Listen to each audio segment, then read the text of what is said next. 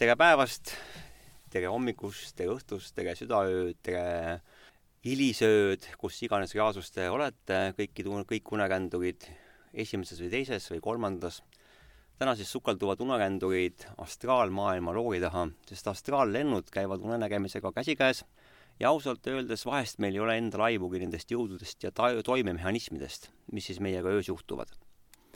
on olnud palju hetki, kus ma kontrollin astraallendu ja on olnud ka palju hetki, kus ma saan aru, et minu astraalkeha ja teadus alluvad kõrgematele ja tugevamatele jõududele. Ja mul polegi mitte midagi muud võimalik teha, kui siis jälgida toimuvat. tänaseks saatekaaslaseks on mul jälle Helena. Ja see on väga hea valik, sest tema on oma astraallendude alguses ning kõik, kes teda kuulavad ja kes ei ole ka seni seda saanud, aga tahavad saada, siis peavad kuulama teda, sest nad võivad saavutada samu tulemusi samu samme tehes ja ma täpsustan, et see on see, mida ma alati sinu juures ju imetlen ja hindan, sest äh, sinus on see eesmärgistatud ja sihikindel tegevus. ja ma tean, et meie vaatevinklid ei ühti paljudes teistes asjades, aga siinkohal ma nimetaks, et see, mis sinus on, on puhas laitmatu strateegi nõidade välimäära järgi. tere, Helena mm,! tere, tere! tänan palun, palun oota, aga kui sa nüüd nii alustasid selle laitmatuse asjaga, et äh, no teen eesmärgipäraselt asju selles mõttes, et loen, praktiseerin, harjutan harjutusi ja kõik nii edasi, no näiteks võtame täna öise. siiamaani mul on väga vähe olnud selliseid äh, unenägusid, kus kohas keegi kolmas inimene justkui mulle häälena ütleb midagi. täna aga oli niiviisi, et äh, mul oli niisugune situatsioon, kus ma oleks tahtnud unes karjuda, aga häält ei tulnud ja, ja siis oligi see hetk, kui mingi kolmas hääl ütles mulle, no nii juhtub, kui õpilane saab õpetaja teadmised, aga ei oska nendega midagi peale hakata mm.. Mm, just. kelle hääl see oli, kes seda ütles? ei tea, kelle hääl, seekord oli meesterahva hääl nagu justkui mm.. et vaata, vahest on mulle ütelda, et on mingi naise hääl olnud kuskil, aga seekord oli mehe hääl. et noh, mis siin öelda, selles mõttes, et siin polegi midagi öelda, õpilane siin, siin on nüüd kaks varianti minu puhul, ma mõtlen, et et kas see võis olla nüüd äh, anorgaaniline olend, kes on sinu unenäo vaatleja ja ütles, et noh, ma ütlen ka midagi tarka sekka või oli see siis kohe kogemuslik astraalkogemus? no vot, mina ei oska siin midagi öelda, minu jaoks on praegust kõik nii keeruline nagu virvarr, ma ei saa üldse aru, milline on see päriselt nagu unenägu, milline on äh, see astraal seal ja nii edasi ja nii edasi, kõik on väga sassis et eks ma võib-olla jõuan rääkida nendest äh, nõndanimetatud kehavälistest kogemustest ka täna veel, et mis ma siin kogenud olen, et siis, siis see teebki natukene asja minu jaoks väga keeruliseks. aga kõik see on reaalsus sinu jaoks ju?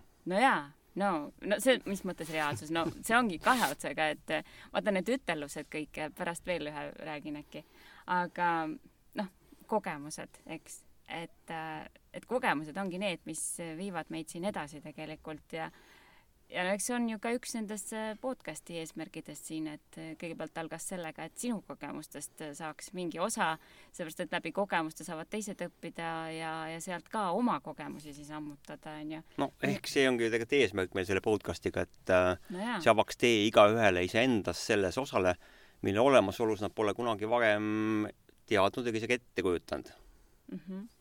vot. oota, nüüd tuligi mul see teine, teine ka meelde mis asi sul meelde nüüd tuli siis? tänavine, see teine lause. Äh, see oli, nagu situatsioon oli selline, et laua peal on taldrikud, seal on äh, võililleõied, mis on pikuti pooleks rebitud. ja, ja siis kas oli siis, äh, vabandust, ma segan, kas oli siis sellesama asja jätk nagu või? see oli nagu eraldi, et ma vahepeal tõusin üles, siis jälle jäin tukastama, mingi sihuke, täna olid katkendlikud uned olid. aga see oli hommikupoole või südaöösel või? hommikupoole ööd pea kuskil mingil ajal. Et äh, tõenäoliselt pärast kella kolme midagi, seal kolme ja kuue vahel võib-olla või nii. aga see oli nüüd niimoodi, et noh, kõik teavad seda ütelust, et äh, hingehind, eks, mingi, oi, sellel on mingi hingehind. minul oli niimoodi, et äh, needsamad äh, võililled siis äh, pidid seal taldriku peal sümboliseerima hingi. ja, ja siis tuli seesama jällegi hääl, mis ütles tervete hingedega on väga vähe inimesi. selle tõttu ongi nende hind kõrge. no see on ju, kõlab väga, ütleme, see sobib väga hästi kokku šamanistliku maailmapildiga, kus siis hing, inimeste siis kõik äh, hädad ja õnnetused on põhjustatud sellest, et nende hingeenergia on kaduma läinud erinevates aegades, ajastustes, eludes, tegemistes, toimetustes on ju, ja siis ongi see, et et oma hinge võib ka maha müüa kolme veretilga eest mm.. no seal veretilkasid polnud et aga, aga noh, mõtlemisainet on ja eks ma pean siis äh, tagantjärgi mõtlema, et mida see unenägu minu jaoks konkreetselt äh, tähendama pidi. oota nii, et, et äh, põhimõtteliselt, et äh, igal hingel on oma hind ja neid terveid hingi on nagu väga vähe, öeldi sulle? idee oli jah selles, et terveid hingi maailmas on väga vähe ja selle tõttu nende hind ongi nii kõrge. jah, see on väga loogiline mulle meeldib see lause. see on, see on täpselt selline see on nagu sinulik see on minulik jah, et see on nagu see filosoofia, mis mulle on alati meeldinud, mis unenägemisega ja astraalmaailmaga on kaasas käinud, et et kui seal midagi öeldakse, seal öeldakse niisuguseid kosmilisi mõnusaid kuldseid pärle ja siis pärast seda võib nagu äh, mõelda päevi, päevi, tunde ja tunde just nende samaste lausetega mängides, et mida siis sellega kõike võib mõelda.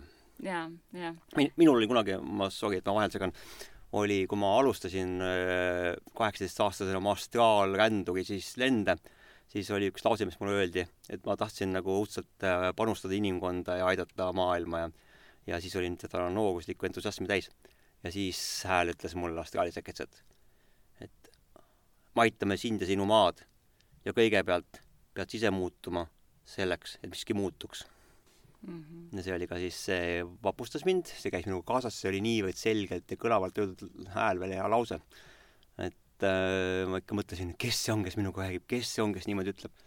aga ma, ma andsin talle nime, et see on kosmiline kõrgem teadus, las ta siis on niimoodi, et ma ei hakka otsima sinna taha, et kes see siis konkreetselt ütles seda.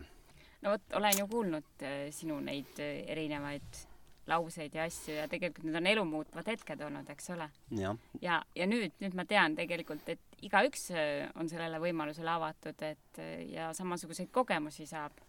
no kas just samasuguseid? siin sa võid sellest rääkida, aga, aga ma ei tea, suurema massi hulgas hakkad rääkima, et sul öösel hääled räägivad ja vestlevad sinuga, ütlevad sulle asju, siis see kõlab kahtlaselt. no Nad ei ole kogenud astraalset olemist, eks ole, astraalis olemist ega midagi sellist. nüüd võibki seda lihtsalt öelda, et nad ei ole kogenud seda, nagu sa, sina ütled teist ise, kes ütleb astraalne teisik või mis iganes astraalne mina või äh, mina ütlen alateadvuslik hinge, mina. hingeteadvus, teine ise, teine ise on äh, esimese ise ja hingeteadvuse vahel see vaheisik minu jaoks, minu, nagu ütleme, aga muidugi ma olen aru saanud, et me kõik, kes me oleme unekändurid, astraalkändurid, me räägime samadest asjadest vähekese isikliku selle kogemusliku prisma läbi, aga samas need mõisted meil on vahest erinevad, kuigi need kogemused on sarnased. Ja siis igaüks annabki sellele oma, oma selles tunnetuslikus süsteemis, semiootilises süsteemis oma siis märgistuse. No ja nagu ongi, inimesed on kõik ju varjundi võrra erinevad, et igalühel on oma hirmud, vajadused emotsionaalne struktuur? no me just rääkisime üle-eelmine podcast hirmudest, on ju, et ehk kõigepealt tuleb ju oma hirmud, emotsioonid ja vajadused ära kaardistada ja kui sa neid mõistad, siis on nagu sinu areng ja teekond ju palju kiirem ja kergem, lihtsam, siis läheb nagu lepase reega. jaa, kogu see teekond küll ükskord välja viib, eks ole. aga no õnneks on toetaja mul sinu näol olemas. see lep-, lepase reega, lepase reega, siia on nagu hästi hea tuua üks, üks astraalkogemus mul see oli ka, et läksin astraaliga välja ja mul on alati meeldinud lennata ja siis oli see, et et äh, kui maa peal sai isu täis, siis ma mõtlesin, et äh, läheks kaugemale, läheks päikesesüsteemist välja. ja lendasin päikesesüsteemist välja, ma avastasin, et on olemas erinevad kiirused, et on olemas kiirus, on ju, kus on, saad nagu nautida, on selline mõnus kiirus, selline asjad vuhisevad mööda ja äh, suured objektid tulevad lähemale ja siis teine kiirus on selline, kus sa niimoodi näed, asjad vilksavad mööda ja kolmas on see, et kui sa ütled niimoodi, ei, ma olen nüüd selles punktis, tahan sinna jõuda, võksti, plõksti, sõrmenipsust kohal. et sa ei taju mitte midagi muud, kui ainult käib sähvatus ja sa oled kohal, onju.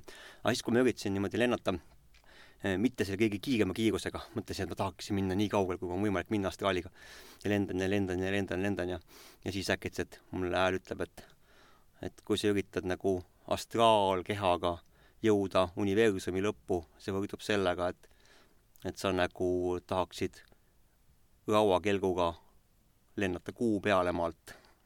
ja see oli nagu nii tabav metafoor ja siis ma olin nagu, et mida metsa, astraalkeha järelikult ei olegi selle jaoks, et sellega ei ole võimalik jõuda nii kaugele, et see on mingisugune selline vahepealne trollibuss. no ma saan aru, et mõttejõuga saab ikkagi.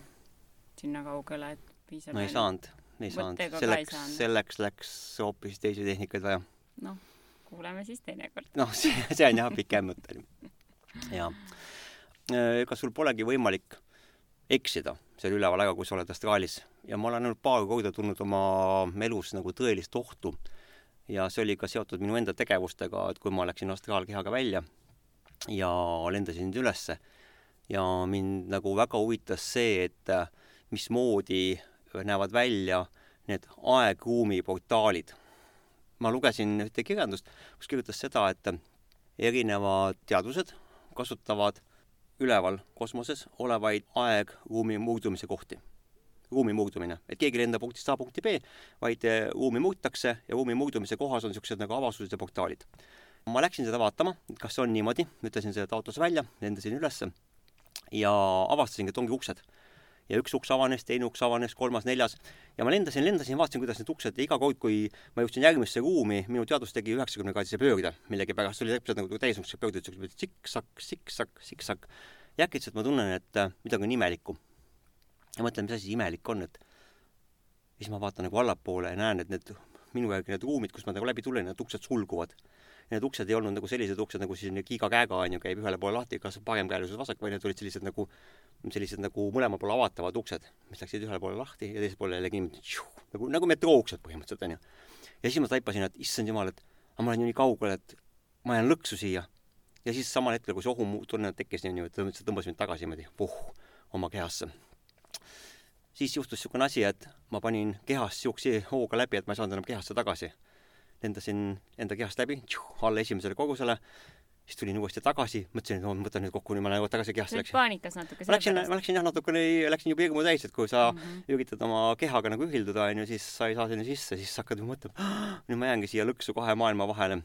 ka siis äh, kuskilt tuli, ei sekkunud ei teine ise ega mitte keegi, lihtsalt kuskilt tuli mingi sisemine selline tarkuse teadmine lõdvesta ennast ära, ole rahulik ja nagu ma seda mõtlesin, ole rahulik, aga ole paanikas nii automaatselt niimoodi nagu niimoodi see, see surin ja see sumin oli hästi tugev, mis mul, kui ma üritasin nagu kehaga ühineda, siis see läks niimoodi nagu mingi mootor oleks seisma jäänud ja siis ma olin ärkas üles, silmad lahti ja olingi kohal, eks. et see oli nagu see koht, onju. aga jah, ütleme, et normaalne teadus taga lihtsalt ei roni igasse kohtadesse, et need tegevused, et kui ma olen, olen siis ohtu sattunud ja tundnud selle ohtu, siis see on kõik puhas minu enda lollus nagu eluski, et et kui on olemas äh, erinevad sellised töövõtted ja kaitsemehhanismid, mida peaks kasutama töövõtete ajal, aga sa ei tee seda, siis see on puhas rumalus. et otseselt äh, muidu ma ei ole kogenud ühtegi negatiivset astraali lendu. ja ega teised kirjutavad ka, et äh, tegelikult astraalis ei olegi seal midagi, mingit ohtu, et kõige suurem oht on sinu enda hirm. et äh, ja just noh, kuuledki vot täpselt selliseid lugusid ja, ja need on õpetlikud, et kuuled neid kogemusi, mis on mingil määral sarnased teistega, aga samas on nad väga erinevad kõik. ja siis sa endal sa teed äh, selle baasilt mingisuguse ütleme, millest edasi minna ja, ja enda kogemused tulevad siis, eks ole ähm,. siin on hea, oleks rääkida oma esimesest astraallennust, kui ma sain aru, et äh, ma olen kehast väljas. ja kes on esimest podcast'i kuulanud, et miks ma valisin uneränduri raske elukutse aga tegelikult, et äh, hakkasin varajasest nooruspõlvest siis hatha joogaga tegelema, rütmilise hingamisega ja seal ma puutusin kokku siis sellise, sellise mõttega nagu, et on olemas astraalkeha ja on võimalik kehast välja saada. ja siis ma hakkasin põhimõtteliselt praktiseerima igapäevaselt tegevusi, mis siis seal olid ära toodud. aga see ei vii mind tulemuseni. aga tulemuseni viis see, et ma hakkasin ühel hetkel iseendaks oma süsteemi välja töötama ja süsteem oli selline, et äh, iga õhtu ma lõdvestasin ennast ära, hingasin sügavalt sisse, sügavalt välja.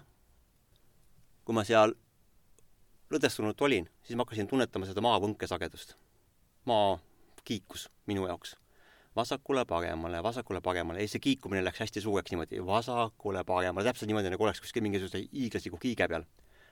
ja korraga ma hakkasin tajuma, et, et lisaks sellele nagu horisontaalsele kiikumisele on olemas ka selline mingisugune vertikaalne liikumine samalaegselt. ma tunnetuslikult hakkasin nagu samal ajal, kui ma kiikusin vasakule ja paremale hästi sügavalt, pikalt, hakkasin äkki tajuma siis seda üles-alla liikumist vertikaalsuunas niimoodi tõk-tõk-tõk-tõk-tõk. paralleelselt? paralleelselt jah, samaaegselt. ja korraga oligi nii, et nad nagu resoneerusid või tekkis mingi sünergia sellest ja mõlemad muutusid võrdseks suuruseks. ja siis tekkis pähe kumin, siis tekkis rindkeresse selline paisumise tunne niimoodi nagu, ütleme nagu rindkere tahaks nagu plahvatada niimoodi nagu, rind läks niimoodi kumm ja niisugune tunne tekkis sisse. ja siis see viskas mind niimoodi siit rinnust niimoodi, rinnust otse välja ülesse. ja samal hetkel oli nii huvitav, et, et kui ma sealt välja sain, ma magasin pimedas ruumis raamatukogus nimetame, see oli, ütleme siis tuba, kus oli palju raamatuid. tõusin voodist ülesse ja hakkasin lendama läbi seinte niimoodi, jalad ees. Kõigepealt tõusin keha kohale kuskil meetri kõrgusele ja siis äh, läksin sujuvalt niimoodi läbi seinte, aga väljas oli talv. ja minu esimene mõte oli, et issand, mis toimub, kuhu ma lähen. ja samal hetkel minu astraalkeha liikus edasi, juba läbi seinte, jalad olid juba õues. ja mina mõtlen, ma olen ju paljas, õues on külm, kakskümmend kraadi külma, mul hakkab külm ja siis mu keha juba sõitis läbi, niimoodi sõitis juba läbi nende seinaosade füüsiliste ehituskonstruktsioonide. Ja ma nägin seda niimoodi seest, nagu, nagu lähed nagu läbi Narva ploki ja läbi kohvi niimoodi lähed. ja siis mul tekkis mõte, et kus ma olen, aga kes siis mina olen? kus mu keha on? ja siis ma püüdsin nagu teadust, püüdsin nagu äh, harjumuslikult, et nagu peaga niimoodi, et aga kus mu keha on, pööran siis pead. ja siis ma sain aru, et aga mul pole pead et mul on mingisugune muu asi, millega ma tajun ja näen maailma. ja samal hetkel ma tundsin, et kui ma nagu lendasin, ma nägin seda, noh, kujutad ette, et kui sa oled nagu selili maas ja vaatad siis äh, niimoodi, surud niimoodi lõua peaaegu niimoodi rinna vastu ja siis vaatad oma varbaid, aga oled samas ajaks näiteks horisontaalselt pikali. vot sama tunne oli mul, et ma vaatasin nagu kogu aeg niimoodi varvaste suunas ja lendasin sealt läbi ja siis, kui ma sel hetkel, kui ma vaatasin, kus mu keha siis on, siis mu pea pööras taha ja siis ma tajusin ära, et mu keha minu seesamane teadvus on ikkagi seotud kehaga, sest keha liigutas samal ajal. ja pea läks nagu hästi võimalikult taha. aga mis ma nagu huvitavat tajusin, oli see, et, et ma nägin enda keha kontuuri. Et minu astraalkeha oli nagu kontuurne ja siis see rindkere, rindkere osa, see oli suur helendav niisugune mitte ümmargune pall, aga selline ovaalne pigem, selline piklik ovaalne, pehme nagu pall. ja siis ma lendasin niimoodi maja kõrvale, tõusin üles ja vaatasin, et aa, näed, seal eemal on üks suur täht ma lähen selle tähe peale. ja samal hetkel ma tajusin ühte teist astraalset olevust enda kõrval niimoodi, vaatasin, et see oli nii veidra välimusega teadus, see, no ma ei oskagi liigitada, kes ta oli või mis ta oli, on ju niimoodi. see oli nagu juhatus, et jaa, lähme sinna, lähme sinna. siis ma tundsin äkki, et kes see on ja miks ta siin on, kuhu ma lähen, kes mind kaasa tahab viia. ja tekkis niisugune nagu äh, enesealalu instinkt, et ma pean tagasi minema. ja samal hetkel ma läksin kehasse tagasi, ja hüppasin niimoodi ülesse. ja mis oli mull, mu pea oligi sel hetkel niimoodi kuidagi hästi taha, et kui ma kehasse tulin, ma ei saanud hingata enam, see oli esimene, see oli nii hästi kogemus oli. Ma niimoodi, ma ei saanud neelatada ja ma ei saanud hingata. ja ma tundsin, et ma ei oska enam hingata. sest see oli selline nagu ähm, ütleme, kõik see muu oli nagu fantastiline, need tähed ja see tunne ja siis see kehast minemine ja siis ma ütlesin, et ah niimoodi noh, nagu et aa, selline ongi siis see, et kehast väljumine, et keha ongi see ja sina oledki see ja niimoodi see käinud. aga kui tagasi tulid, siis see ülesärkamine oli vastik ja seda muuseas, seda ülesärkamist ma kogesin hiljem väga palju kordi, et ma ei oska enam hingata. No minul on noh, ma olen nüüd äh, alates detsembri keskpaigast praktiseerinud neid erinevaid harjutusi, mis puudutavad seda kehast väljaminekut. Ja see hingamise teema, see on üks nendest, äh, mis seal sees on olnud, et samamoodi kui ma tunnen juba seda tunnet äh, või siis see näiteks ükskord, kui ma kehasse tagasi tulin ja esimest korda iseennast nagu nägin enda peal äh, istumas, et siis äh, ka see oli see tunne, et, et ma ei saa hingata sel ajal. ja, ja nüüd mitmel korral on ka, et äh, no nagu sa ütlesid, et, tunned rinnust, et niisugune läheb äh, kuidas seda nimetada? pinge ja suur tunne oli. pinge, nagu läheb, rind läheb ettepoole, eks ja. ole, aga tegelikult ta ju ei liigu. aga tunne on selline, et rind läheb ettepoole ja vot minul on siis pauh niimoodi ja siis ma olen väljas järsku. ja, aga minul on need olnud hetkelised praegu. et ma lugesin ära, mul on nüüd äh, kuus sellist hetke olnud, kus ma olen äh, välja saanud see on, tead, ma, ma ei tea, miks ma olen selline skeptik niisuguses asjas, et mõtlen, kuidas on võimalik nagu enda niisuguse jonni ja järjepideva tööga nagu saavutada niisuguseid asju, et mul on see loomulikult tulnud, et ma et olen, ma ei, pole pidanud nagu vaeva nägema selleks, et et see on nagu imetlusväärne, et mõni peab nägema vaeva. see ongi imetlusväärne, et, et tõesti ongi võimalik või et küll ta on võimalik, kui teistel on võimalik, siis on ka mul võimalik, et et aga see, see tunne just, see on hästi huvitav, et äh, läheb, rind läheb niimoodi nagu ettepoole, tekib niisugune surumise tunne ja, ja siis käib nagu pauh kas sa neid hääli ka oled kuulnud, vaata sel hetkel, kui sa hakkad nagu enda kehast väljuma, siis ma kuulen hääli tihtipeale, mingit müra kuulen, ma Mhm. nimetasin endale enda jaoks astraalmügaks mm. -hmm. ja see oli täpselt niimoodi, nagu sa oleksid mingi rehepes-, rehepeksumasines niimoodi kolks-kolks, mingisugune mootorimüra käib niimoodi. no need on erinevad. ja, ja vahest on undamine ja vahest on niisugune, et nagu no need on tegelikult need hallutsinatsioonid, et tegelikult need on selle jaoks, et sind äh, mm, petta põhimõtteliselt. kes see tahab mind petta? ise sa tahad, et äh, vaatab, kas sa oled valmis selleks. Kas et kui sa lähed nagu? jaa, kui sa lähed lõksu, siis sorry, ei saa kehavälist kogemust, onju. et aga kui ei lähe lõksu, siis lähed kehast välja ja kõik need hääled kaovad. täna just lugesin selle kohta raamatust ka, et äh, sellest astraaldünaamika raamatust. täpselt seesama. sa loed nii paljusid raamatuid, et, et sa loed, oota, me eelmine ütlesime, et kelle oma see oli, see astraaldünaamika? dünaamika äh, sa Pruuskigi Bruce, Bruce, Bruce, jah. juba oleme edusamme teinud tore on lugeda raamatut, kui sa ei tea, kelle raamatut sa loed, onju, et ähm, andke andeks, kallid kirjanikud, eks ju, et ähm, sellised me siis olemegi. ai, aga muideks ma tahtsin rääkida ka sellest, et vaata noh, meie siin omavahel toetame üksteist, aga nüüd seesama toetusgrupp, mis meil seal Uneallikal on, praegust on ta nüüd neli korda olnud või kolm korda, mis ta nüüd on? jah, vanasti ta oli nagu rohkem personaalne, aga nüüd on ta kenasti grupiks moodustunud, kus inimesed käivad kohal. et ähm, ja noh, me oleme saanud ju ka mingit tagasiside selle kohta ja inimesed on öelnud, et jõudu on enam äh,. näha, hea on näha, et teistel on samasugused küsimused, samasugused raskused äh,, kuidas keegi on äh, enda jaoks need ületanud, eks ole. siis äh, teine asi, et mis on hästi oluline ei ole ju inimestel kellegagi rääkida nendel teemadel. sa ei julge ka rääkida kellelegi no,? no mida sa räägid, kui keegi aru midagi ei saa sellest, ma tean ju omast käest kuule, mina töötan suures organisatsioonis, eks, ja ma olen keskastme juht, eks ju.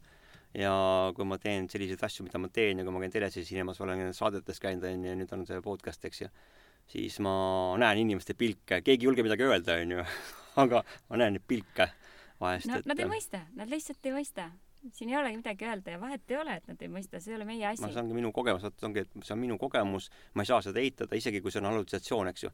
aga hea raadio ei, see ei ole, see ei ole hallutsatsioon. no tore, et sa seda ütled nüüd, eks ju, aga, aga näiteks mul oli hulk aastaid nagu, et vanemad, kui nad veel elasid, onju, nad arvasid, mind on vaja ravida, selles mõttes, et peaks arsti otsima. sa ei ole see ainukene, neid on teisigi, ma olen kuulnud. jah aga õnneks mul oli nagu seda, et ma ei kuulanud oma vanemaid, ma ütlesin, minge, ma saatsin nad väga pikalt ja väga kaugelt ja pehmelt, selles mõttes mitte väng-, vängelt, eks ju mm. -hmm. ütlesin, ma tean, et ma ei ole hull ega segane, on ju, ja ma tean, mis minuga toimub, ma saan aru sellest, et see on, lihtsalt on niimoodi ja ma pean sellega elama. jah. aga mis tunne sinul siis on nüüd seda kõike kogeda, kui sa ennem kuulasid ainult minu jutte ja neid, mis ma sulle kunagi siis otsustasin jagada, on ju no.? see oli ju suht luule, ulme ja muinasjutt tegelikult ju no kõik ei olnud, no unenäod ei olnud äh, luule ja muinasjutt minu jaoks, sellepärast et neid ma olin ju ise kogenud ja isegi ettenägelikke unenägusid ja kõike, et äh, need olid mul kogetud. aga mis puudutasid seda teist maailma ja Austraalia ja kõike, ma küll kippusin mõtlema, et see on su enda välja mõeldud, see, mida sa tahad näha. Mm.. väga paljuski. Ma olen taotlenud muuseas, et kui ma isegi Austraalias olen, ma olen taotlenud alati, et ma, soovin kogeda seda universumit vahetult sellisena, nagu ta on, et ei oleks mingit kõverpeeglit vahel, et see informatsioon oleks vahetu. otsene, aus, siiras, on ju, et ma tahan tõde kogeda. no vot, see ühes raamatus jälle kirjutas selle kohta, et kui sa saad teadlikuks oma unest, siis ütled kõigepealt mõttemustrid kadugu. ehk ongi, et sinu igapäevased mõtted ei, ei segaks seda, mida sa siis nüüd sellel hetkel näed. aga sa küsisid, et mis tunne mul siis on seda kogeda. noh, tunne on huvitav. jaa. no kuidas, kuidas? kogen, oota, kogen sellist, mida ma poleks osanud arvata. sest et noh, see on, see on täiesti midagi sellist. no, no tõesti, sa ei saa, sa ei saa ma olin ju su kõrval aastaid, eks ole, ja sa kogesid kõike neid, aga see jäi kõik ainult jutuks minu jaoks, ainult jutuks. sa vahepeal, ma tean, et sa kuulsid seda, et kui ma olin äh, astraalmaailmas osaliselt ja osaliselt üritasin kehasse tagasi olla ja ma üritasin rääkida, siis sa kuulsid minu soigumist, ma kuulsin, kuidas minu magav keha ja, ja. et mm -hmm. ja see oli päris, ükskord ma üritasin hundi moodi uluda, sest see oli siis ja ma kuulsin ise seda, kuidas mu keha üritab seda asja teha ja öelda ja see oli väga creepy ja väga veider, sest ma sain aru, et ma ei suuda äh, astraaliga panna oma keha ja suud tööle nii, nagu ma tahaks panna, sest ma olin kaugel kehast, eks ju. ja, ja mulle jäigi tegelikult mulje, et kogu see astraaliga väljaminek on üks niisugune kahtlane asi, et ei tea, et ma ise nagu ei taha neid kogeda, et see tundus pigem olevat äh, negatiivne minu jaoks sel hetkel. aga nüüd, kui ma olen nii palju juba piisavalt enda jaoks lugenud äh,, ma olen saanud küll seda kinnitust, et mul ei ole mitte midagi karta seal vaata, sa oledki selles mõttes väga huvitav eksemplar et jah, et äh, kui minul ei olnud nagu mitte kedagi toetamas, mitte kedagi, mitte kellegagi polnud rääkida sellest teemast, mitte mingit kirjandust polnud ka, inimesed aasta oli tuhat üheksasada kaheksakümmend üheksa. mõelge ise, mitte midagi polnud. Eestis, Eestis polnud, maailmas oli. Inglise keelt ma ei osanud, eks ju mm -hmm., internetti polnud, raamatuid polnud, midagi polnud. Äh, ma olin üksinda pimedas mm, -hmm. kosmoses, südaöös, ma elasin seda läbi, mul oli väga palju astraalkangestusi ja mul juhtus no need ma kujutan ette, on küll ja, väga ebameeldivad, need olid äh, täpselt siis, kui ei tea sellest mitte jah, midagi. aga ma sain aru sellest, et äh, mind, mind toetas üks asi, see oli Eesti pärimusmuistendid, kus seal kirjutas, äh, kui, kui mul meenusid selles mõttes pärast tagantjärgi, et ahaa, et näed, et kunagi käisid mingisugused luupainajad ja mingid rõhujad, kes ronisid rinna peale ja siis inimene ei saanud ennast liigutada ja siis see meenutas mulle, vau, see on ju tõesti, see ongi see astraalkangestus, millest nad ju kirjutavad, räägivad, aga nad püüdsid ajal seda seletada siis enda seda mõistmise järgi mm. -hmm. ja kõige taga pidi ema, üleloomulik, ebaloomulik, eks ju, olema või kuni nõidadeni välja, onju. aga minu jaoks oligi siis see, et et ma pidin seda ise avastama ja need astraalkangestused ja see just nimelt, et ja seda kehasse tagasitulekut oli mul päris mitmel korral, kus see oli nagu raskendatud.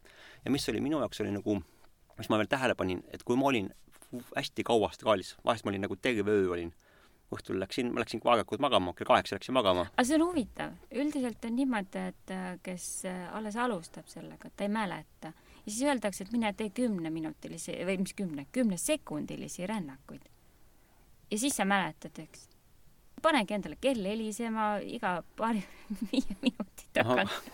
aga sa ju tead seda et... sellised asjad on, saad aru, ja, ja sa räägid mingit terve no, aga, ja sa mäletad. aga sa tead seda ju, et vaata, et ma võin ju kaks päeva järjest eh, ühte samat kivi toksida, eks ju, et sa, sa ei kujuta ette, kui sa lähed sinna üles, sa saad selle lendamise tunde, sa oledki vaba, sa saad aru, et et surma pole olemas, su teadvus võib valida kehasid, su keha on sinu keha, onju.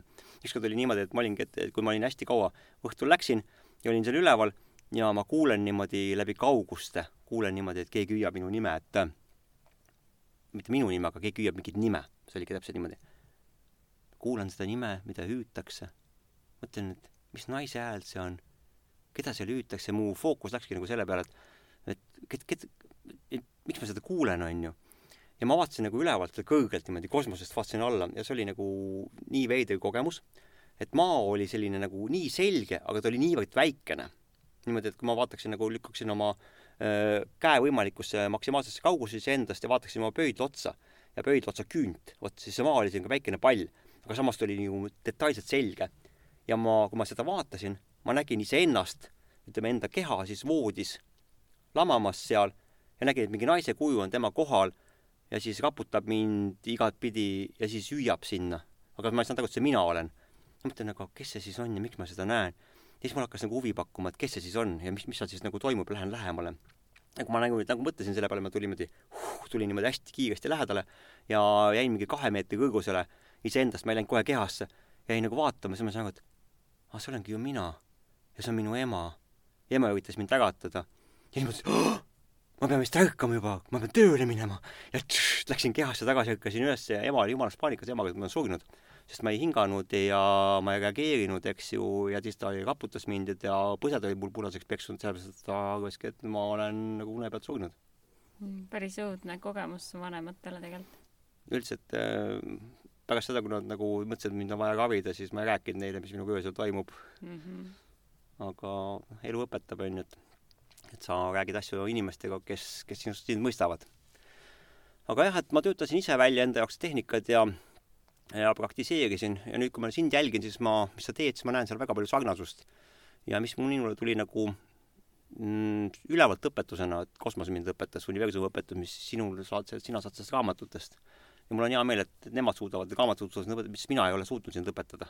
ma pole tahtnudki no ma ei ole ju küsinudki õpetust, et mul ei ole ka selles osas huvi olnud, et mis oli, oli see teadlik unenägemine, see huvi mul oli ja selles osas me rääkisime väga palju aga nüüd tuli uus asi juurde, millest mul tegelikult sel hetkel veel aimdust ei olnud, seesama astraali teema, et, et ma ise saan kehaväliseid kogemusi võimaldada endale. ja mis mulle meeldib, mulle meeldib see emotsioon, et kui sina nüüd oled saanud oma kogemusi ja siis, kui sa sealt välja tuled, siis mina tulin sealt välja ja minu jaoks oli see hirmus niimoodi kohati selles mõttes, kui ma tulin nagu, seal polnud üldse hirmus, aga kui ma tulin sealt välja, ütleme see kehaga ühildumine, see mittehingamine, siis sa ei saa niimoodi aru, siis see on segadus, selline vibratsioon. mul muuseas tagantjärgi on väga palju olnud seda lainetust, et kui sealt ülevalt tuled, siis mu keha see võnkumine on sees, see oleks nagu ja, põhjus. mul on ka äh, see, siis ongi, sa pead lõdvestuma, hingama ja, ja ennast ära lõdvestama, et siis, siis läheb üle see. aga sa tead ju, milline mu äratuskell on, eks ju.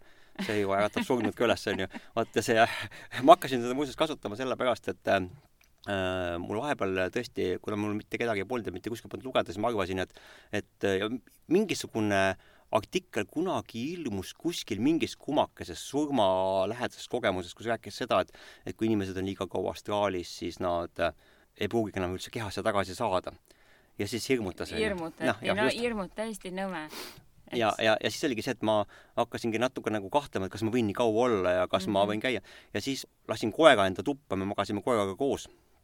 koer oli suur, vägev vetelpääste koer, magas mul minu kõrval ja siis äh, ma paar korda tundsin seda, et kui koer hakkas hommikul äh, niimoodi haukuma, siis tema haukumine tõi mind tagasi. Ja siis mm tema oli minu nagu see ankur selles maailmas, et mm. Oo oh, jee, ma pean ärkama, onju, või ta lakub mind onju oma keelega mm -hmm. näkku, et siis see tõmbas tagasi, et, et alati füüsilise keha assotsiatsioon, et kui keegi minu kehaga oli kontaktis, see oli selline äh, moment, mis tõi mind tagasi kuule, aga sa võtsid selle huvitava teema üles, kehaväline kogemus, surmajärgne kogemus, eks ole, või kuidas ta, kuidas ütlesid, see vahepealne kogemus? Millist no vaata, kui see inimene sureb ära justkui, eks ole, läheb äh, elu pärast elu? ei, ei, see ongi see kogemus, et no hetkeline näiteks on mingi õnnetus, korraks läheb kehast no. välja, surmajärgne kogemus, ei? ja ei no ikkagi, see on niimoodi, et see on see, et et sa ei ole elus ega surnud no,, sa oled vahepeal, vahepealses maailmas. aga see iseenesest, inimesed tulevad tagasi ja räägivad huvitavaid kogemusi. et tegelikult tahab igaüks neid kogemusi saada, aga ilma selle surma teemata seal, eks ole mm. -hmm. ja see kehaväline kogemus, see võimaldab seda. ja see just nimelt, sa pead olema terve ja, ja tubli ja korralik inimene selleks, et saada kehavälist kogemust. üldjuhul, eks ole, su keha peab korras olema. et äh, see ongi see erinevus, tegelikult kõik tahaksid seda kogemust saada, aga ilma selle surmateemata sealjuures mm,. minu jaoks. ja nüüd on see võimalik. jaa, muidugi, aga mis mul tuli pärast meelde, oli see, et ükskord, kui ma sain astraaliga välja, läksin lendama ja mõtlesin, et ma lähen lendan surnuaia kohale ja lendasin läbi surnuaia ja ma nägin seal öö, fantoome haudade kohal, helendavaid kujusid siukseid. Need rippusid ja puid ja sellest nad olid siukse nagu hõbedase niidiga siis maa alla seotud. ja mis on nagu astraalis huvitav oli, et, et kui ma nagu fokusseerisin selle peale, et on mateeria, siis ma nägin läbi mateeria, aga kui ma selle peale fokusseerin, siis see oli nagu tavaline nagu maailmapilt lihtsalt, et mina hõljun kuskil seal üleval või lendan sealt läbi ja kogu aeg ma tundsin niisugust nagu ohutunnet jälle, et mul on hästi huvitav olnud, et et äh, kui mingisugune teine teadus või olend või kes iganes äh, on minu kõrval, surnu näiteks, on ju, siis ma tunnen seda oma mingisuguse sisemise tundega, kas äh, kaelakarvadega või siis selle külma tundega.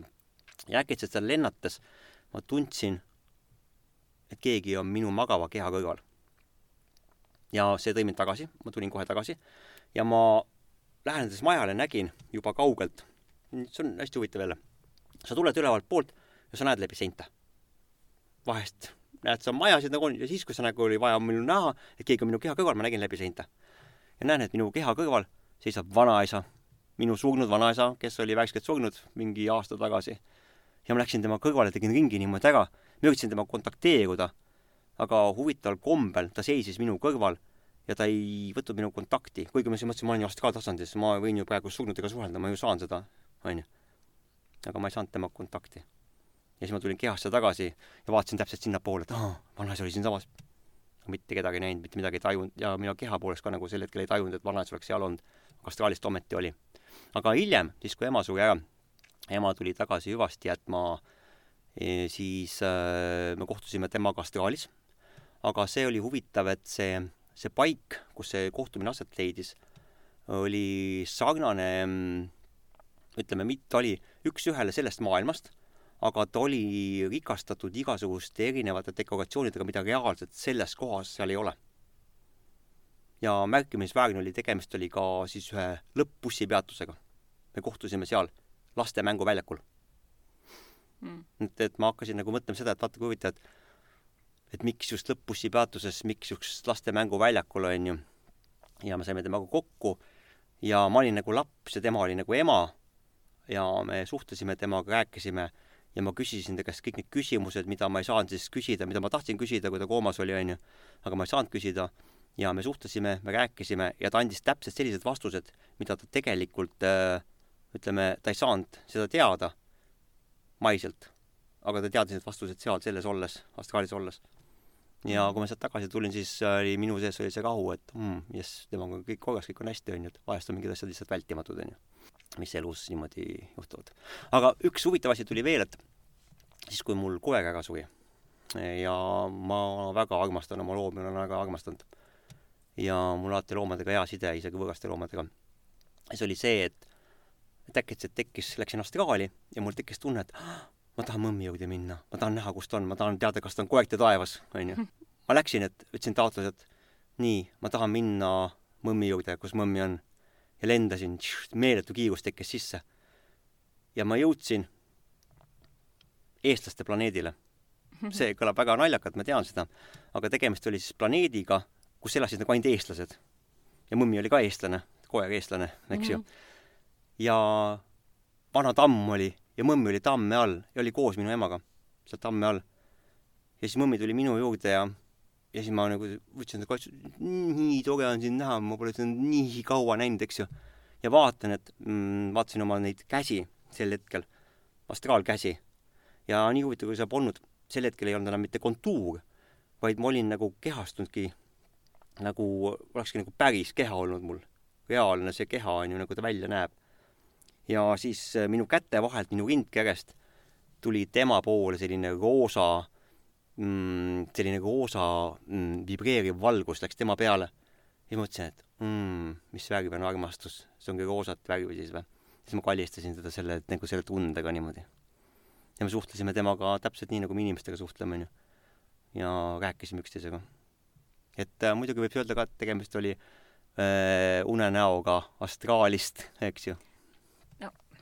Ma ei, ma ei oska, ma ei oska seda öelda on ju ka sellised variandid olemas, et äh, unenägu läheb sassi kehavälise kogemusega ühel samal unenäo lõigul. sa näed nii und, oled teadlikus unes kui ka vahepeal oled astraaliga. et ma saan aru, et ka selline asi on võimalik tegelikult et äh, minul tekitab nüüd praegu ka selli-, siukseid küsimusi, et vaata, kui ma olen nagu, ma tunnen ju kehaga, kõigepealt läheb vibreerimine, siis on see pinge ja siis ma lähen nagu pauhti välja. aga nüüd, kui ma sain oma toas äh, välja, äh, see ei olnud täpselt üks-ühele selline. kas see siis oli astraal või oli see unenägu astraaliga välja minemisest, aga miks ma tundsin samal seda kõike. ja ma olin ärkvel, ma ei olnud ju, ma ei maganud. et see ei olnud see une ajal vaid eh, ma olin juba üles tõusnud ja siis uuesti eh, jäin niisuguse eh, noh, vahepealsesse olekusse. see on minul ka tekitanud arusaamatus selles osas, et kui ma olen nagu tulnud kehast välja selle teadusega niimoodi astraali läinud, siis on see maailm täpselt samasugune, välja arvatud see, et et on ta rikastatud siis selles energeetilises nagu äh, variatsioonis, mida muidu silmaga paista pole, on ju, füüsilises maailmas. ja kõikidel on oma struktuur, oma värvid, oma nähtamatu pool, on ju, oma astraalne pool ja see maailm siis sellisel hetkel on ta sama niimoodi. ja kui ma siit maa pealt olen välja lennanud, siis see on ka nagu sama. aga kui ma olen niimoodi olnud unenägemises ja sa oled läinud astraali ja see on viinud mind kuskile kohale, ma, ja ma teadvusega tean, ma olen astraalis praegusel hetkel, eks ju.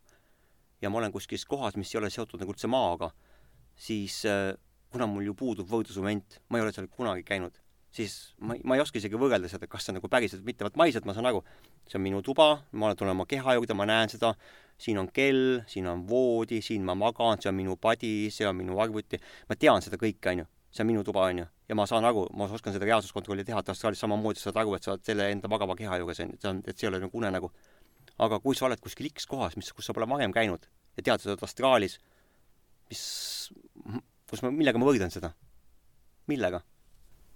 Nojah, näiteks nagu see üks huvitav kogemus, ähm, mis on võib-olla isegi kõige huvitavam praegu nendest, mis ma siin äh, kogenud olen. et ähm, kõigepealt oli mul teadlik unenägu, siis ma vahepeal tõusin ülesse ja, ja siis ma näen seda, et ukse vahel ma jagelen iseendaga. et käepidi, parema käega olime me omavahel ühendatud, aga siis vasaku käega ma üritasin kogu aeg teda uksest välja lükata, see olin mina ise, aga natuke teistmoodi riides. Oli niisugune nagu nõukaaegne õpetaja oli riides sinu teine ise on nõukaaegne konservatiivne õpetaja. jaa, konservatiiv on ta just, kes ei taha midagi lubada. ja, ja siis äh, lükkan teda, et mine välja, ma tahan kehast välja minna niimoodi, lükkan, panen, tahan ust kinni panna, ei saa, ta on ukse vahel jälle.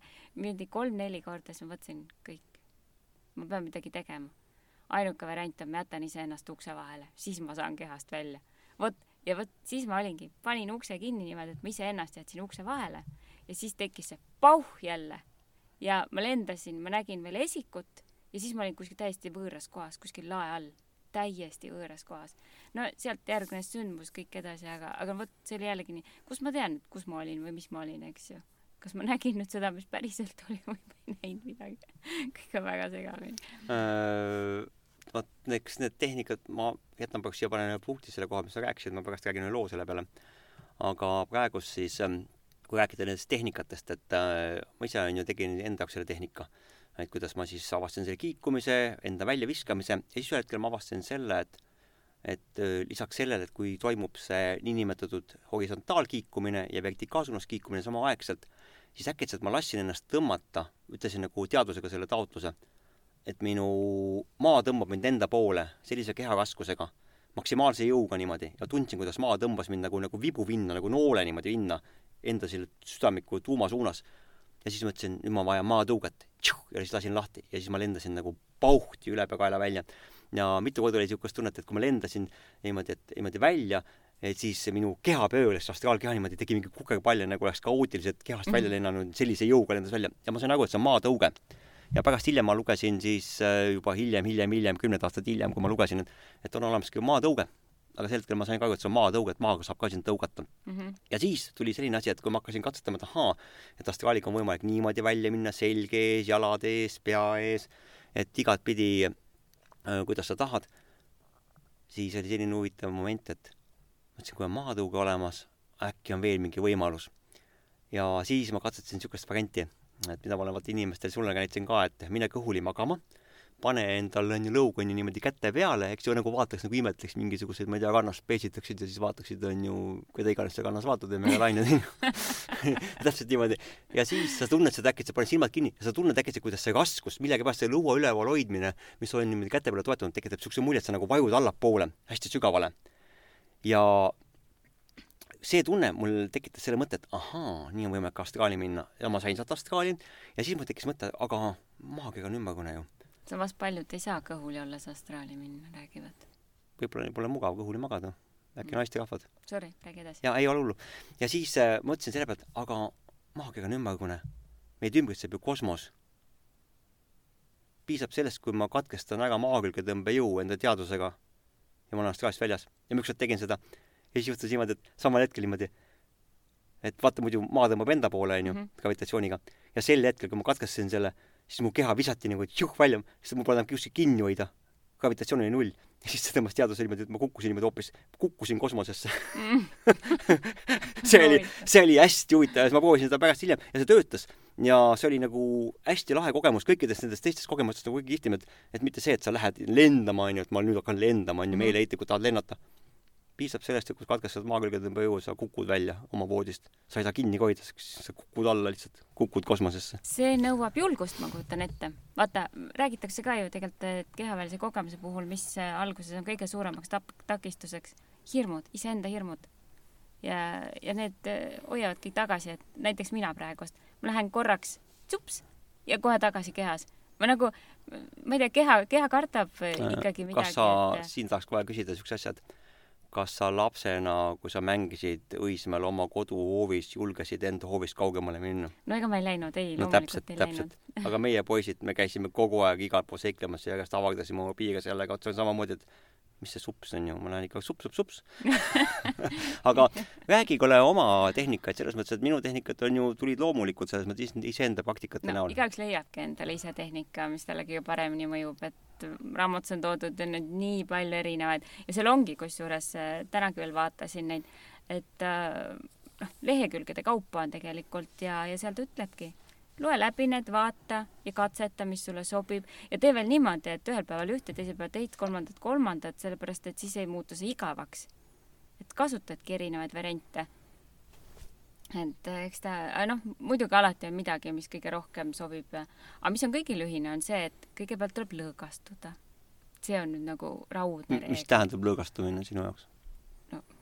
Lihtsalt lihased tuleb ära lõõgastada. see oli minu jaoks ka, mina ka lõdvestasin, et ja, ja kaputasin ennast taga ja lõdvestasin niimoodi. pingestad, lõdvestad, pingestad, lõdvestad, kuidas keegi, eks ole, mina teen nagu sellist harjutust, et äh, lähen oma teaduse palliga siis äh, mööda keha laiali, käin kõik kohad läbi ja siis äh, teen, pingestan vahepeal siis äh, ja nii edasi, et äh, muuseas, ma mõtlesin seekord, kui nüüd see unenägemise jututuba tuleb, siis ma tahtsingi sellest rääkida, et näidata seda harjutust, mis ma siis ise nagu avastasin mm -hmm. tol ajal ja kui tol hetkel, kui siis tekkisid inimesed, kes nagu soovisid seda praktiseerida, kellele ma andsin need edasi, nad said muuseas väga häid tulemusi sellega mm. Mm. aga hirmud peletasid nad eemale, sellepärast et noh, ja ei no kui, ega ma ikka kogu aeg korrutan endale, et mul ei ole vaja midagi karta.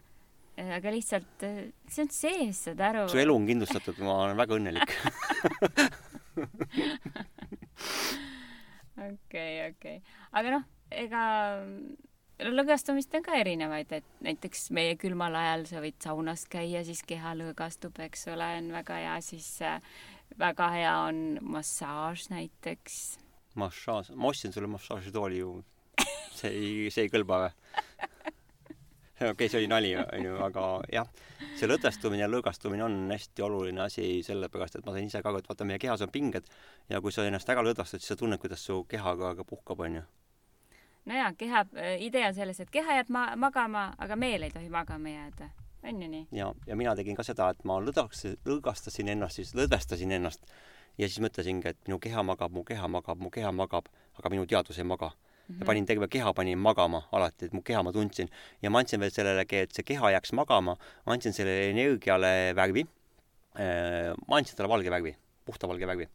ja siis andsin talle soojuse, et ma saaks aru, et esiteks ma näen seda enda selle sisemise eh, teadvusega, näen seda värvi liikumas enda kehas edasi, siis näppudest edasi õlgadeni ja samal ajal, et seda nagu värvi tugevdada, andsin talle ka siis äh, füüsikalises mõistes soojuse juurde ja siis ma tundsin ka alati, et värv läks, aga soojus ei tulnud. Siis ma tavaliselt edasi ei läinud, niikaua kui soojus tuli järgi. Mm.. kuni ühel hetkel siis see värv ja soojus mõlemad teekonnad kattusid ja siis niimoodi läksingi õlgadeni, õlgadest rindkeresse, selga, alla kõhtu, siis eh, toharateni, jalgadeni ja varbaotsteni ja siis ma tulin sealt kõige viimasena, ma tulin pähe ja hakkasin siis enda aju matma selle valge värvi ja soojusega. Ja siis jäin silmadesse, et kõige viimane koht, kus ma alati nagu kustutasin siis selle silma ära või nimetame siis teadvuskustus oli siis seesamane et ma suunasin nagu selle teadvuse siia kolmanda silmasuu kohta mm. -hmm. läbi nägemisse. no praegust mina teen inglise keeles seda, panen kõrvaklapid pähe ja, ja kuulan Spotify'st. no keegi on sama asja teinud, panen kirja kuskile. aga ma tahaks nagu mm. eesti keeles, et sina teed selle, ma ootan praegu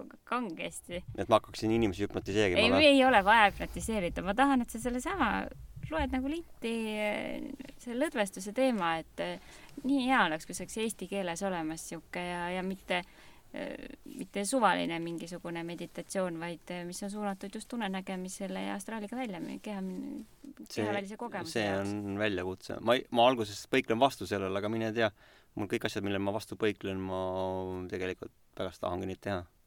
see oleks väga hea, see oleks väga hea, nii hea oleks kuulata eesti keeles ikkagi. aga muuseas, mis ma sellega saavutasin, et kui ma üritasin niimoodi astraaliga välja minna ja lõpuks hakkasin saama, siis ma hakkasin kontrollima enda uneaega ja ma näiteks puhkasin välja, väga hästi mäletan, et ma võisin olla ööpäev läbi üleval, teha mingit tööd, kakskümmend neli tundi, tulla koju, viisteist minti ma ärkasin üles ja ma võisin uuesti kakskümmend neli tundi tööd teha. nojah, seda nüüd äh, kõva häälega ei soovitata inimestele, eks ole. jaa, seda küll, aga lihtsalt see tehnika muuseas, kui ma seda rääkisin, ma ükskord esinesin ja käisin rääkimas, siis äh, siis minu juurde tuli siis üks äh, veoautofirma juht tuli ja siis ütles niimoodi, et kas oleksid nõus õpetama seda tehnikat mu veoautojuhtidele?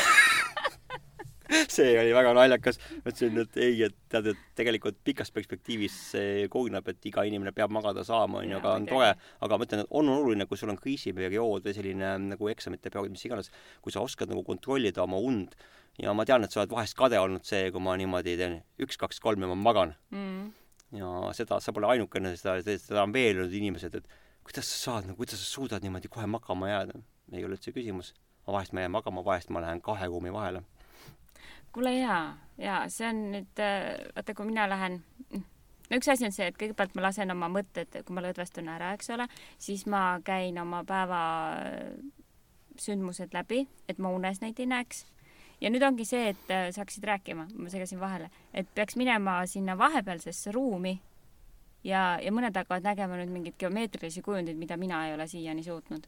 no kas sa oled äh nojah, sa, sul ei ole palk pähe kukkunud, sa ükskord kukutasid mulle palgi pähe, onju.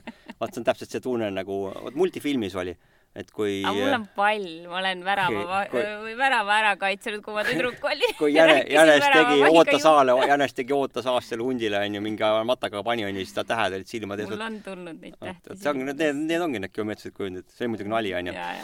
aga mm, ma mäletan seda, et äh, need, see on suht sarnased, need geomeetrilised kujud on muidu suht sarnased sellele, et kui äh, sa võtad paberilehe ja pead joonistama hakkama midagi ja mul pole mitte ühtegi ideed peas. äkitselt ma vaatan seda paberilehte, seda tabulokaassat ja kogu aeg ma hakkan seal mustreid tegema. ja siis ma hakkan pliiatsiga sealt järgi ajama ja siis pärast läheb pilt välja, sa oled mu pilte näinud küll, onju. ja need on kõik niimoodi sündinud, et mul pole aimugi, mida ma joonistan, aga ma hakkan nägema mustreid ja ma hakkan neid jälgima. ja siis sama lugu olin ka kunagi oli koolis kirjandite kirjutamisega, et et teemad olid väga nõmedad, sa ei oska mitte midagi välja mõelda sellega, ja siis sa vaatad seda paberit enda ees, hakkad äkitselt nägema sõnu, lauseid, siis tekivad mõtted ja siis paber ise läheb täis nagu kuidagi maagil-, maagilisel kombel onju. ja vaat sama, samad mustrid on ka sellega, et kui ma panen silmad kinni ja suunan lõdvestan ennast tagasi, käib, et alguses oli niimoodi, et see võttis mul aega, muuseas, kas sa usud või ära usu, tund aega läks aega selleks, et näpuotstest jõuda siis peani välja selle valgus, valge energia ja soojusega mm. -hmm. see nagu võttis aega ja siis hakkas ta minema kiiremini, kiiremini ja lõpuks oli niimoodi, et ma tegin minut, onju, või siis oli minut kehast väljas, onju, sõltuvalt sellest. kuule, ma täna lugesin ka seda astraaldünaamikat ja ah, mis seal on siis viis minutit ja korras. ja käid kuu peale ka? umbes niimoodi, jah. jah nagu kõik need lõdvestused, asjad, kõik on tehtud, juba oled juba transiseisundis ka, juba oled kehavälises kogemuses ja et aga mis on muidugi huvitav, mida ma olen katke, nagu katsetanud, on see, et kui nüüd ongi see, lõdvestan ennast ära, siis see unenäkku minemine, mulle meeldib sinna, sinna unenäkku minna ja vaata, tekib see roheline udu. minu jaoks tekib ja paljude teiste jaoks tekib ka, et sa hakkad läbi rohelise udu minema ja roheline udu on tegelikult unenev mateeria. ta on küll teisel, teises sageduses, teises vormis, aga ta on olemas. ja siis, kui sa hakkad keskenduma roheliste hoovuste peale, mis sinust nagu mööda vilksatavad, hakkad sa märkama siis neid mustreid, geomeetrilisi kujundeid ja asju ja see ongi see, et et kus sa nagu, kui sa jääd nendesse kinni, siis see võtab sind unenäkku, aga kui sa suudad jääda nagu okei okay,, ma ei lase ennast kaasa viia, ma ei lase, mu teadus on selge, mu teadus on selge, et sa pead tegelikult äh, hästi palju seda iseenda jaoks nagu nagu kuidagi nagu kogutama või motiveerima isegi selles vahepealses olekus, siis sa jõuad sellesse teaduse musta kasti. ja see ongi täpselt selline kast minu jaoks, et ma tean, et on olemas vasakul pool, ütleme vist selja taha jääb see maailm, kus ma tulen, ette jääb puneneva maailm ja ma olen siis selles vahepealses ruumis. ja ma nimetan seda enda jaoks nagu selle kahe maailma vahelises ruumis. Ja seal on kõige parem mõttetegevus. et kui ma raamatut kirjutasin, siis ma väga mitu osa kirjutasin seal ruumis, see oli nagu lust ja lillepidu niimoodi, see käib nii kiiresti, sa tuled selle emotsiooniga tagasi, sa tuled tagasi selle kogusega ja siis sa teed nagu kiirkirjutamist ja siis ta tuleb, onju. Ja seal ruumis on ka nii, et eh, sa tajud seda vahest oma keha magamist, kui sa oled seal ruumis, sa kuuled, keegi norskab. Saad aru, et sa ise norskad seal onju, okei okay,, aga sa välja ei lähe ka kehasse tagasi, las ta norskab seal onju, ma lähen edasi onju. ja siis ongi niimoodi, et selles teaduse ruumis on meil huvitav, et on uksed minu jaoks. et on olnud uks, ahaa, kui ma teen ukse lahti, kuhu ma siit saan? siit saan ma tulevikku. aa, kuhu ma siit saan? siit saan ma minevikku. see on, mida ma soovitan kõikidel inimestel, kes astraali satuvad, leida üles see ruum ja katsetada siis nende ustega, kuhu poole need uksed lahti lähevad. Põnev. jah, see on põnev. ma jätan selle meelde ja aga äkki võtaks tänaseks äh, otsad kokku, et äh, juttu meil on, ma, ma saan aru, et meil, meil jätkub jutt ka. nojah, ma ei, see on nii põnev jutt, et ma ei tahaks üldse lõpetadagi, onju, et et äkki, äkki venitab veel natukene. et äh, räägiks teinekord edasi, sest et äh, me oleme pikalt lobisenud et.... aga siiski, vaata, kui ma enne ütlesin, et mis värvi oli unenäos või selles astraalis, eks ju, mis värvi oli siis armastus, armastus oli roosat värvi, aga kas sa tead, mis värvi võib olla viha? vihane energia. ma ei tea. mul oli üks selline kogemus, astraaliga lendasin, mul polnud aimu, kus ma lendan, aga ma tean, et ühel hetkel ma jõudsin väga-väga kaugele ja mitte, see ei olnud selles galaktikas ma tean, et see kõlab väga veidralt, eks ju, kes, kes seda iganes kuulab, onju. aga teised astraalkändurid on samasugused, kes kaugel käivad. Ja seal sattusin, oli koht, kus kohas kohtusid erinevatest universumi punktidest teadused. Ja seal on omad reeglid. ja seal ma läksin ühe teaduse juurde, kes oli ka siis astraalis ja tahtsin temaga kontakti luua. Aga see minu energia oli selline, mis oli tema jaoks ründav, see vibratsioon oli tema jaoks ründav, kuigi ma ei olnud üldse niimoodi meelestatud. Ja siis ta momentaalselt, tema energia muutus mustaks selliste oranž-punakas täppidega, nagu mingisugune müügiline lepadiinu sõna otseses mõttes. ja ta tuli nagu minu poole ja siis mõtlesin, et nüüd on surm, nüüd on surm, nüüd on surm. ja samal hetkel siis äh, see astraali jõud astus vahele, pani oma selle seina ette, ütles, et ei, siin on omad reeglid ja sinuga ei juhtu mitte midagi. ja siis ei juhtu mitte midagi. aga seal ma kohtasin ühte siis teist teadust, kes oli, kes oli siis meie Milky Way galaktikast ja see tundus mulle nagu naaber olevat et oo jee, teine eestlane siin kaugel Ameerikas mm.. jaa. Aga eks need kehavälised kogemused on niisugused, nagu nad on, et et isegi tulevikku on võimalik ette näha. ma arvan, et ma tegelikult, ma räägin selle ära. jaa, jaa, ma räägin Meil selle ära teemegi järgmisel korral selle, sest et ei, neid unenägusid me oleme nii palju näinud, mis need aga see oli, see oli, see, see oli unenägusid jah, aga see oli nagu hästi põnev oli. et äh, läksin astraali ja astraalis äh, mõtlesin, et tahan minna tulevikku. Ja minu selles unenägemise maailmas, kus ma sealt olin ja mõtlesin, ma lähen nüüd astraali sealt, eks ju, siis selle maailma vahel ja tuleviku vahel oli selline veniv kummist läbipaistev sein, kust ma läbi ei saanud. ja ma üritasin sealt läbi pressida igatpidi, ma nii väga tahtsin minna sinna teisele poole. ja siis see niimoodi väändus ja siis minu äh, astraalkeha läks niimoodi, läks niimoodi läbi, et, et see väändus koos minu peaga, et ma nägin seda tulevikku aga ma ei saanud sinnapoole minna. Ja siis ma niimoodi venisin mööda seda seina, venisin, venisin ja jõudsin äkitselt äh, Tallinnas Õismäele ühte kohta ja vaatan, et ahaa, näed, üks meie ühine tuttav, ta saab siia korteri. aga see oli kaks aastat enne seda, kui ta sinna korteri ostis. see oli väga põnev kogemus, mõtlesin, vau, sama koht, sama kohta nägingi siia korteri ja see oli, tundus nii uskumatu, sest ta elas ju Mustamäel, eks. jah jaa. aga kas sa tahad lõpetuseks midagi head öelda? no seesama inimene, kellest sa praegust rääkisid, temast nägin mina kakskümmend äh, ja pluss aastat tagasi äh, unenägu. tol ajal ma ei teadnud äh, ei unenägemisest ega kehavälistest kogemustest midagi äh,. kui ma vaatasin oma päevikut äh,, siis mul oli olnud selline kogemus, et äh, ma seal kirjutasin umbes niimoodi, et mul olid käed ees ja tundsin, kuidas mind tõmmati äh, maalt, maalt, maalt välja hmm. ja siis ma sain taga, ma olin aasta nagu ära olnud ja siis sain tagasi no,. ja siis ma kirjutasin, äh, no ma üldse ei mäletanudki, et ma midagi taolist oleksin kogenud kunagi. siit ongi moraal, inimesed kirjutage asjad ülesse, sellepärast et pärast hiljem võid avastada, et ahaa, aga ma olen astraalrände juba aastaid teinud. no vot, aga miks ma seda nägin, on sellepärast, et mul oli see unenägu meeles, mis ma pärast seda nägin ja see oli nüüd seotud tollesama inimesega. E, unes ma seda inimest ei näinud, ma nägin unes ainult ümmargust nööpi kahe täpiga, kahe auguga nööpi.